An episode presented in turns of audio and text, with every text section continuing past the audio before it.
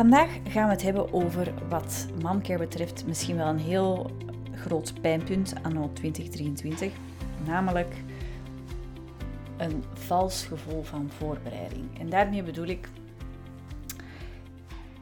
ik vind persoonlijk dat er ontzettend veel nadruk wordt gelegd tijdens de zwangerschap op allerlei lijsten, to-do-lijsten, administratieve lijsten, maar ook baby-uitzetlijsten.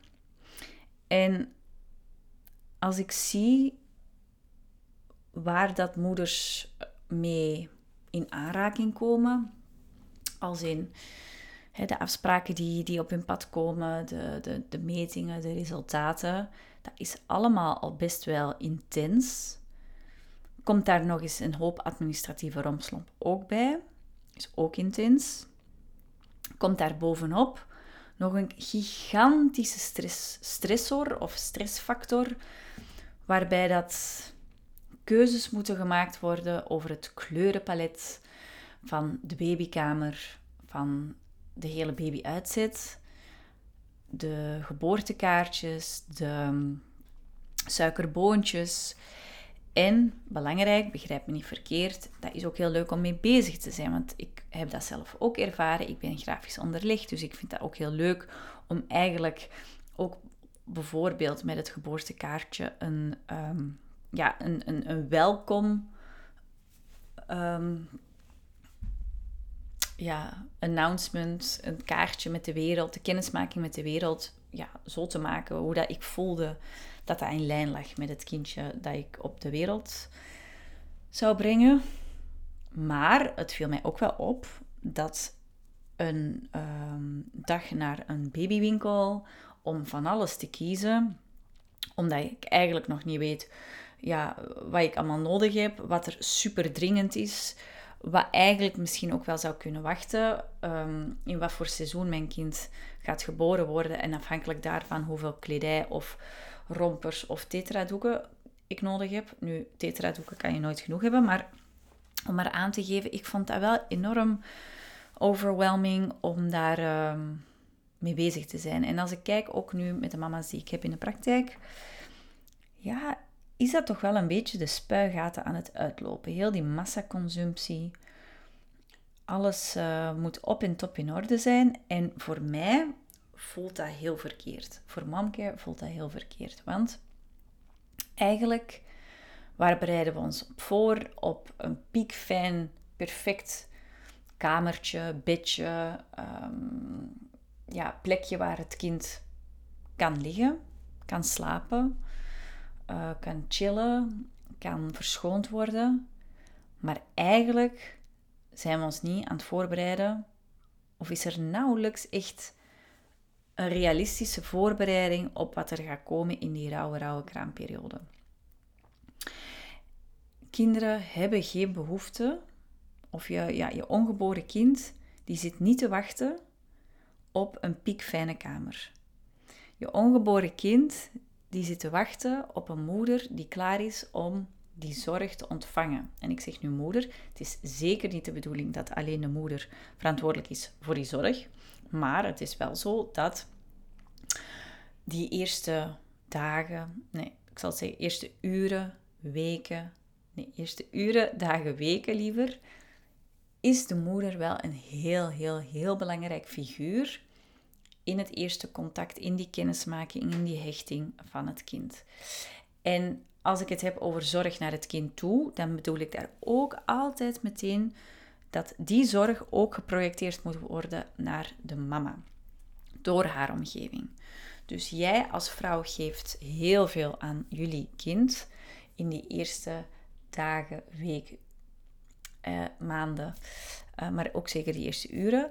En eigenlijk mag je dus die, projecteer, uh, die, uh, die projectie van die zorg ook projecteren naar jezelf. Dus alles wat dat jij je kind geeft, qua rust, qua voeding, qua liefde, qua um, verbinding, qua zachtheid, qua um, speelsheid, qua, qua ja, het zorgen voor, dat heb jij ook gewoon enorm, enorm hard nodig als herstellende vrouw. Als vrouw die net deze rol leert ontdekken. Als vrouw die net deze verantwoordelijkheid volledig ehm, ja, op, op haar krijgt. Nogmaals, het is niet dat het jouw verantwoordelijkheid is, uh, verantwoordelijkheid is om alleen te dragen, maar ik projecteer eigenlijk deze, ja, dit, dit is wel hoe dat het voor een vrouw die eerste periode voelt. En het is niet omdat je niet meer verbonden bent met een navelstreng, dat jouw kindje jouw aanraking en jouw geur en jouw stem en jouw um, hartklopping niet dichtbij wil hebben. Dus dan kan hij nog steeds de mooiste kamer hebben van de hele wereld. Die heeft daar eigenlijk helemaal geen zin om daar te liggen. Die heeft daar geen nood aan. Die heeft eigenlijk gewoon nood om bij jou te liggen. Tegelijkertijd, begrijp me hier ook niet in verkeerd, ik heb echt heel veel ehm, begrip voor elke beslissing die jij maakt als, als mama, als ouder, om ook jouw gezondheid daarin te kunnen um, ja, bufferen, garanderen. Dus als jij op een bepaald moment beslist om ook je kind op een andere plek eventjes te laten slapen, is dat natuurlijk helemaal goed als het voor jou werkt. Maar waar ik graag even de projectie naartoe wil wijzen, is vooral dat we zo gefocust zijn op wat na die negen maanden. En ehm, het, ja, de picture perfect en dat je haast een slechte mama voelt als je de doopsuikertjes niet in orde hebt of als het geboortekaartje niet uh, tip-top in orde is of als die kamer daar nog niet klaar is. Maar ja, in hoeverre kan je eigenlijk ook al weten wat voor iemand dat je gaat ontmoeten?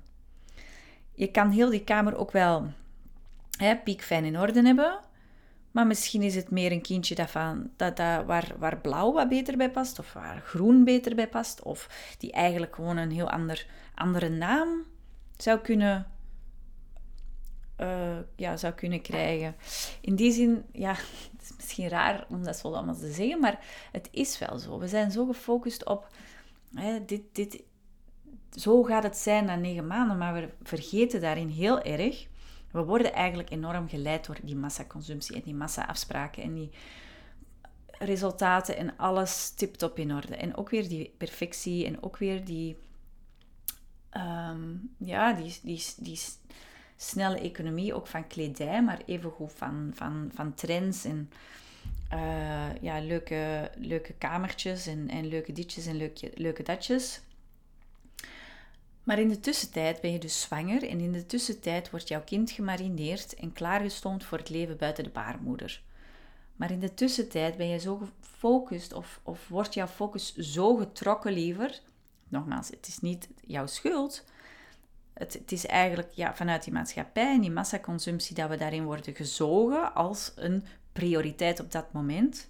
Maar in feite wordt onze energie en onze aandacht weggehaald bij wat er wel speelt. En dat is dus uw innerlijke wereld, voor uzelf, voor uw eigen gezondheid, de verandering van binnen en de communicatie, de interne processen, wat er afspeelt met je kind.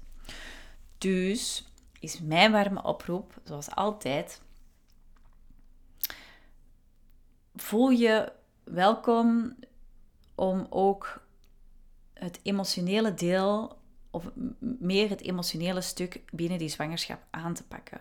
Weten wat er allemaal speelt nu in die negen maanden, tijdens de groei van je kind, tijdens het proces dat jij aan het doormaken bent richting de geboorte van jou als mama, zodat je ook weet qua voorbereiding wat staat er mij te wachten in die rauwe kraamperiode. En dan kan je daar wel zitten met de mooiste kamer van, van heel het dorp of van heel de stad. Als jouw kind alleen bij jou wil zijn, dan kan dat mega. Dan, nee, dat kan dat niet zijn. Dan is dat mega zwaar. Kan dat ja, isolerend zijn. Je kan je eenzaam voelen. Uh, je kan je afvragen waarom dat je überhaupt ooit mama zou willen of had willen worden. Um, dynamieken met je partner of andere mensen, schoonouders, ouders, kunnen, kunnen eh, moeilijk verlopen. Dus die, die, die voorbereiding zit hem echt in heel veel verschillende dingen. En ja, er zijn uiteraard een aantal basic dingen die je nodig hebt. Maar uh, ja, ik denk dat het heel waardevol kan zijn voor jezelf, voor je eigen emotionele gezondheid, om die energie die, die wij nu eigenlijk laten ja, opzuigen door massaconsumptie en uh, belangrijke, tussen aanhalingstekens, to-do's in onze maatschappij, dat we die wat meer naar onszelf toe trekken en te kijken van oké, wat heb ik op dit moment nodig? Wat heb ik in de kraamperiode nodig? Wat heb ik in mijn verdere herstel nodig? Uh, want dat is minstens, als het niet al belangrijker is, maar minstens even belangrijk als al de rest wat nu als prioriteit wordt aangeprezen. Dus dat was mijn uh, korte momcare talk voor vandaag. Laten we ons niet misleiden door wat er wordt, waar dat de prioriteiten nu liggen, waar dat de nadruk op wordt gelegd, op die uitzetlijst, op allerlei to-do's. Het is wat momcare betreft gewoon echt een vals gevoel van voorbereiding. De realiteit en de verwachtingen komen nog verder van elkaar te staan. En uiteindelijk, de inherente verwachting van je kind is niet dat die kamer piekfijn in orde is, maar eigenlijk dat mama en of papa partner wel gewoon emotioneel en fysiek in orde is. Dus laten we daar allemaal een steentje in bijdragen. Dan dankt Momcare jullie van harte. Nee, maar even serieus. Ehm, als je daar voelt van, ja, je hebt daar wel een punt, of ik kan daar uh, toch wel iets aan doen, of ik wil daar iets aan doen, laat het me weten. Ik zal mijn contactgegevens in de show notes zetten. En ook als je het hiermee eens bent, of je voelt van ja, hier moet echt wel iets in veranderen. Of voor mij was dat enorm stressvol. Daar ben ik ook benieuwd naar. Dan mag je dat ook altijd laten weten via Instagram DM. En voor de rest wens ik je een fijne dag.